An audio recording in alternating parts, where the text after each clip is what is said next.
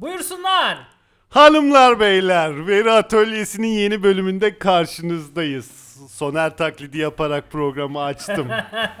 Eğer benim moderatör olmamı istiyorsanız lütfen bize mail atın. Beçen olsun moderatör deyin. Bu Soner çilesine bir son verin artık. Hepinize teşekkür ediyorum şimdiden.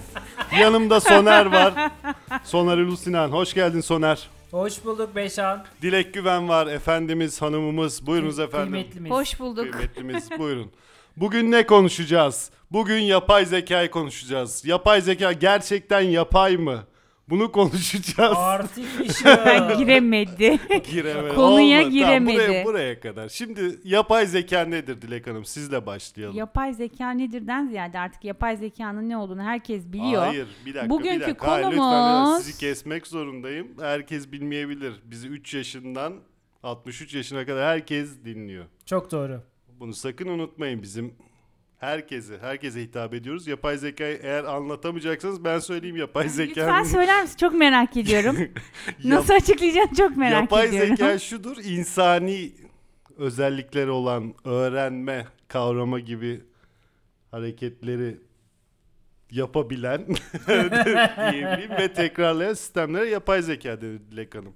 Öyle mi? Evet. Bence öyle değilse Bayağı, değilse bayağı Beçan Erkin çalışıp da gelmiş bu hafta. Hayır canım bunlar bildiğimiz şeyler zaten. Evet Soner. Ee, hanımlar beyler merhabalar tekrardan. Bu akşam Beçan Erkin benim rolümü çaldı. Başlıyoruz. Ee, bu haftaki konumuz yapay zeka ile ahlak, etik kavramı. Ne diyorsunuz Beçan Bey? Evet, çok ahlaklı bulmuyorum bu yapay zeka. Ahlaksız yapay zeka. Bu konuya niye girdik peki? Onu bir açıklayabilir miyiz? Son Ya- zamanlarda gündem neydi? Ee, şöyle ki son zamanlarda aslında gündem çok çok ilginç yerlere doğru gitmeye başladı. Hepimiz diyoruz ki uçuyoruz, kaçıyoruz işte uçan şey uçan değil. Kendi kendine giden arabalar, kendi kendine işte bir şeyler yapan robotlar, işte günlük ihtiyaçlarımızı karşılayacak buzdolapları böyle değişik değişik teknolojik varsayımlarda bulunuyoruz ama Günlük ihtiyacımız karşılayacak buzdolapları. buzdolapları Soğutsun E, yeter bundan abi. önce yoktu. ne yapıyor? Soğutuyor. yumurta bitince hayır şimdi yumurta Aa, bitince yumurta sipariş sipariş vermesinden bahsediyorsun. Lütfen lütfen lütfen. Vay, zekice. On- ya. Bakkaldan yumurta söylemek bizim Şimdi aklımıza lütfen geldi. oralara hiç girmeyelim. Konuyu dağıtmayalım. O ben bu Dilek Hanım'ın şeyinden rahatsız oldum bu köşeli tavrına. Yapay zeka ne diyoruz? Onu konuşmayacağız diyor. E, bu ekip dağılır arkadaşlar. Ben size söyleyeyim. Buyurun Dilek Hanım. Sizin o köşeleriniz içinde ne konuşmak istiyorsak siz buyurun siz konuşun. Yok hayır buzdolabına sizi girersek dinledim. ben 25 dakika sana buzdolabı anlatırım yapay zekalı. O sebepten söylüyorum. Hı, buyurun o zaman. Sizi dinleyelim. Son zamanlarda o, ortalıkta mektup yazan yazana en Aa siz bir yerden mi okuyorsunuz? hayır bir yerden ben okumuyorum. görüyorum ama insanlar şüphe edebilir. Şu anda bir yerden okumadığımı anlayacaksın çünkü birden fazla konudan bahsedeceğim. Bir tanesi belki de siz robotsunuz. Dilek güven bir robot belki de. Buyurun. Ee, öncelikle 1 Nisan'da e, çıkan bir haber vardı karşımıza. Bu e, Google'ın topladığı etik konseyi ve insanların buna tepkisiyle ilgiliydi. E, insanlar Google'ın topladığı etik konseyinin yeterince etik olmadığını düşünüyorlar ve buna Google çalışanları dahil binden fazla Google çalışanı, yapay zeka uzmanı e, bu konuda Google'a bir mektup yazdılar ve e, toplanan konseyin etik için yeterli gereksinimleri karşılamadığını söylediler. Peki burada çok bölüyorum. Öncelikle 1 Nisan eee, toplanan komitenin toplandığı gün Dilek Hanım kıymetlimizin doğum günüydü. Öncelikle Aa, ben iyi ki tekrardan doğdunuz iyi Dilek ki Hanım. doğdunuz Dilek İyi Hanım. ki Teşekkür doğdunuz ediyorum. sağ olun. Eee, peki İyi ki doğdunuz sağ olun. sağ olun. Doğduğum için teşekkür ederim. Eee, insanlar mektup yazıyorlar mı hala yoksa o mektup bir aforizma mı? Ya, evet bunlar açık mektup olarak geçiyor aslında bildiriler. Ha. Bu Chance.org'daki şeyler Evet. gibi. Peki bu nereden çıktı? Şimdi bunun geçmişi aslında bayağı geriye gidiyor. Yapay zeka geliştikçe çeşitli alanlarda kullanılmaya başladı. Bunlardan bir tanesi örneğin kanun gücü içerisinde kullanılıyor. Aha.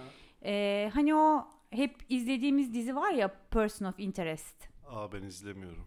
İzlemiyor musun? Yok. Dinleyiciler Din- izliyorlardır eminim ki. bu konuyu. Orada geçelim. böyle hani böyle tık tık tık böyle insanların Aa, yüzlerini yüzlerini tanıyor. tanıyordu, Ondan evet, sonra böyle tamam. Aa, bu adam suç işleyecek falan diyor. Onun Tamam. gerçeğini yapmışlar. Ee, ve kanun güçleri Amerika'da bunu kullanmaya başlamış. Fakat görmüşler ki burada yapay zeka taraflı davranıyor. Ön yargılı davranıyor ve zencilere daha fazla suç işleme ihtimali Zenci değil de veriyor. siyahi desek daha iyi olur mu? Çünkü sonuçta evet Türkçe'de Yani- zenci siyahi kavramları çok mühim değil ama Bizim Esmer- esmer mi dinleyicilerimiz için desek? çok fark edeceğini zannetmiyorum Esmer ama mi ben bunu zaten üzülmesin. hakaret olarak kullanmıyorum. Bizi yani. çünkü Zenci- Amerika'dan da dinliyorlar. Ben mailler alıyorum. Zenci kardeşlerimizi üzmeyelim. Buyurun. Sen de zencisin ama siyahi kardeşlerimiz. siyahi kardeşlerimizi üzmeyelim. Siyah ırk diyelim. Benim için tabii ki bir fark olmadığı için e, söylemekte de bir e, yanlış görmedim. Tabii buyurun. Ee, evet siyahi kardeşlerimizi e, daha çok suç işlemeye meyilli bulmuş bu yapay zeka uygulaması. Bunun birçok örneği daha var. Google'ın bazı algoritmaları e, fotoğraflarda tegleme yapılırken, fotoğraf tanıma, yüz tanıma yapılırken gene bir takım siyahi arkadaşlarımızı e, orangutan olarak e, Hayır. tanımış. Hayır hayır. Gerçekten. Evet. Çalışsaydın eğer dersini bunu görmüş olurdun. Çünkü bununla ilgili makalelerde gönderdim. Evet. Önceden hazırlık yapıyoruz sevgili dinleyiciler. Yani konuları araştırıyoruz. Burada gelip burada goy goy, goy yapıyormuşuz gibi gelebilir size ama Aslında böyle 6 günlük 5 günlük Aynen öyle. saatler bir çalışma yoğun bir podcast'in çekimi evet. bittikten sonra hemen diğerine hazırlanmaya başlıyoruz. Araştırmalarımıza başlıyoruz. Konularımız ne olacak? Detayları ne olacak? Bunları çalışıyoruz. Peki e, bir şey diyeceğim. Burada gerçekten çok ağır bir ırkçılık söz konusu. Yani e, saygıdeğer Google Hazretlerinin söylemiş olduğu ırkçılık kavramları böyle insanın içini yaralayacak vaziyette. Yani yıllarca e, Martin Luther King boşuna mı savaştı? Böyle siyah ve beyaz adamın aynı koltukta oturması için. Yani burada çok etik kavramlarda hani Amerika bizim toplumumuza göre çok daha geride. Biz bunu bazen kafamızda oturtamıyoruz. Hani siyah ve beyaz adama nasıl farklı muamele yapılıyor ya da nasıl farklı gözlemler yapılıyor. Bunu bazen kafamızda oturtamıyoruz ama e, bu konuda e, Google'ın e, algoritmaları ile ilgili e, bazı yorumlar var. Sizin söylediğiniz gibi. Bunu birazcık daha detaylandırabilir misiniz? Şimdi bunu sadece tabii ki siyahi insanlara yapılan ön yargılı e, yapay zeka uygulamaları olarak kısıtlamamak lazım. E, Birçok konuda daha ön yargı var. Aslında şöyle bir şey. E, yapay zeka temelinde e, makine öğrenmesine dayanıyor. Makine öğrenmesi sonuçta insanların verdiği bilgilerden öğreniyor. Dolayısıyla insanların ön yargıları, insanların bakış açıları e, o yapay zekayı öğrenmeye açtığınız anda bu sistemi beslemeye başlıyor. Dolayısıyla aslında e, korkulacak olan yapay zeka değil, korkulacak olan şey insanların ön yargıları. Derin bir sessizlik oluştu şu an. Senin bir örneğin vardı o aklıma geldi de işit sempatisi konuşamadım. Şey İş, mi? işitçiye dönüşen diyelim. Söyle onu o örneğini ver tam yeri şu Ha, an. bu Facebook'ta. e, yok Microsoft'un çıkarttığı Aynen. bir Twitter botu 24 saat içerisinde pedofili manyağı, IŞİD sempatizanı, uyuşturucu torbacıları bağımlısı hepsinin adresini bilen, eden eyleyen bir e, yapay zekaya dönüşüyor diyelim. Yani şimdi yapay zeka deyince insanların aklına şu da gelmesin. Ee, bir makine, bir robot kendi kendine karar veriyor, hareket ediyor diye düşünmemek lazım. Bir yandan da e, sonuçta kullandığımız yerlerde, kullandığımız ortamlarda eğer kendi kendine öğrenen yapay zekalar nasıl ilerlemişse burada peki insanlar, ebeveynler diyebilir miyiz yapay zekayı öğretmek için? Yani bizim aslında ne kadar kötü bir ırk olduğumuz ortaya çıkıyor homo sapienler olarak. Ya bence o söylediğin örnekte insanlar da deniyor aslında yapay zekayı zorluyor. İşitçi olmaya Ya ya evet da ya bu pedofil olmaya robotları zorluyor. tekmeleyenler falan filan ben çok üzülüyorum. Ee, onlar. O zaman bugünkü konumuzda muhteşem robotların etiği ve robot yapay e, yapay zekadaki etik ve yapay zeka ahlakında e, Boston Dynamics'in robotları da e, buradan bir merhabayı bir selamı hak ediyor. Biz Evet, sizi selam seviyoruz. yolluyoruz, Boston Dynamics robotları. Aynı zamanda bugün çıkan bir haber daha var. Gene bir mektup. Gene bir mektuptan bahsediliyor. Hı hı. Ee, Amazon'a yazılan bir mektup bu sefer diyor ki kanun güçlerine lütfen yüz tanımlama algoritmaları satmayı bırakın. Çünkü bunlarda da ön yargı var ve şu anda e, yapay zeka bunun kanun gücünde böyle hassas konularda kullanımına hazır değil diyor. Ee, bu yüzden aslında dünyada özellikle bu büyük şirketlerde işte Google mesela bir komisyon topladı her ne kadar beğenilmese de Amazon vesaire zaten Elon Musk da 2016'da söylemiş durumda Ee, işte bazı şirketlerin yapay zeka konusundaki e, hayasızca hareketlerinden Bazı Ee, şirketler korkuyorum. acaba kimden bahsediyordu? e, büyük ihtimalle Google'dan bahsediliyor bunu herkes aslında e, söylüyor. Hı hı. Ee, yani yapay zeka gerçekten kuvvetleniyor. Kuvvetleniyor derken bizim korktuğumuz anlamda acaba bir gün dünyayı robotlar mı yönetecek anlamında değil. Ama gerçekten birçok işi, birçok karar verme mekanizmasını yapay zekaya bırakabilecek duruma geliyoruz ve bu karar verme mekanizmalarını e, insan önyargılarıyla beslediğimiz zaman e, gerçekten e, geçmişte yaşadığımız işte ırkçılık, üstün ırk, e, işte cinsiyetçilik vesaire gibi e, ön yargılı e, kararlara da açılmış durumda oluyoruz.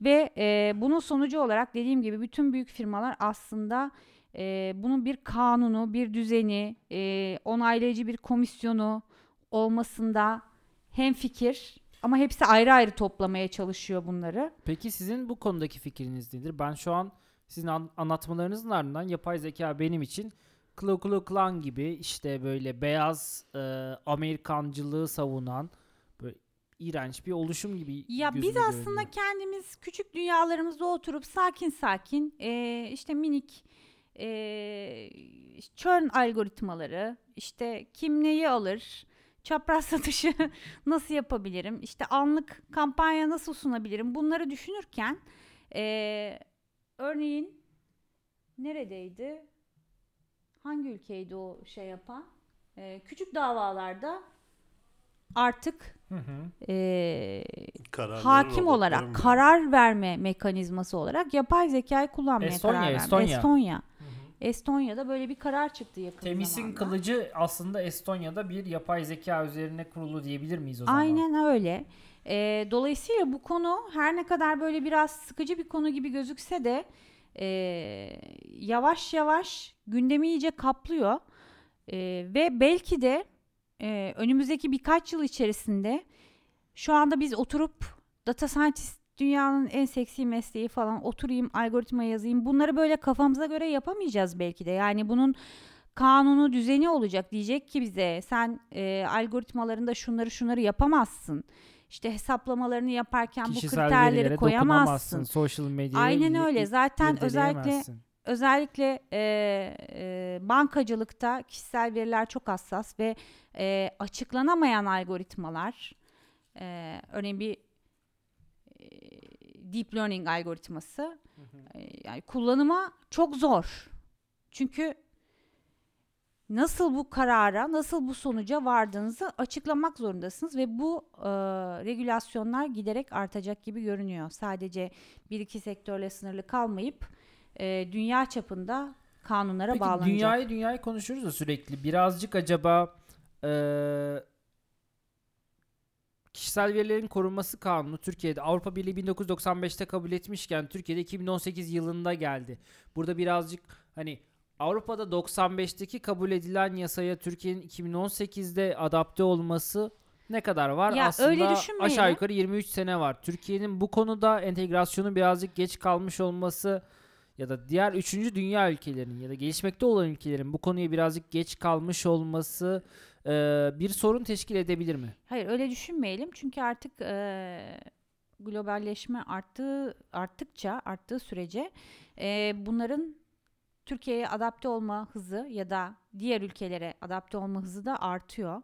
Örneğin e, bu Bazel kanunları önce 10 yılda 15 yılda geldi Türkiye'ye. Daha sonra e, artık günümüzde Avrupa ile hemen hemen aynı anda devreye girir girer hale geldi. E, bunun gibi artık bütün kanunlar ve kurallar dünyayla çok yakın zamanlarda daha doğrusu kanunu çıkaran ülkelerle diyeyim yakın zamanlarda gerçekten aklın yolu birse ve- Entegre olmuş olacak. Evet. Yani zaten şöyle kısıtlamalar da getiriyor bu kanunlar. Ee, eğer ki diyor sen diyor bu kanun veya bunun benzeri bir kanun çıkarmadıysan diyor ben seninle bu konuda herhangi bir alışverişte bulunmayacağım, bir e, ticari işbirliği yapmayacağım. Ancak bu kanun sende geçerliyse ben seninle bunu yapabilirim diyerek e, diğer ülkelerde bunu e, bir nevi zorunlu hale getiriyorlar. Dolayısıyla hızlanıyor bunların entegrasyonu diğer ülkelerde. Enteresan. Peki eee, burada nasıl ilerleyelim? Eee, Yani şunu diyebiliriz aslında e, kapatma cümlelerini söyleyelim artık bence. E, özellikle dünya yapay zeka konusunda bir takım kanunlar ve düzenlemeler getirmeye hazırlanıyor. doğru. E, herkesin kafasına göre bir algoritma geçirmesi, getir, e, geliştirmesi yakın zamanda mümkün olmayacak e, diyebiliriz. Ancak e, bu yapay zekanın korkulacak bir şey olmasından kaynaklanmıyor. Ne yazık ki e, insan doğasının korkulacak bir şey olmasından kaynaklanıyor. E, belki bu reg- regülasyon koymak aslında doğru bir şey değil. Belki de yapay zekaya gerçekten ön yargısız düşünmeyi öğretmek üzere bir teknolojiler geliştirilmesi lazım.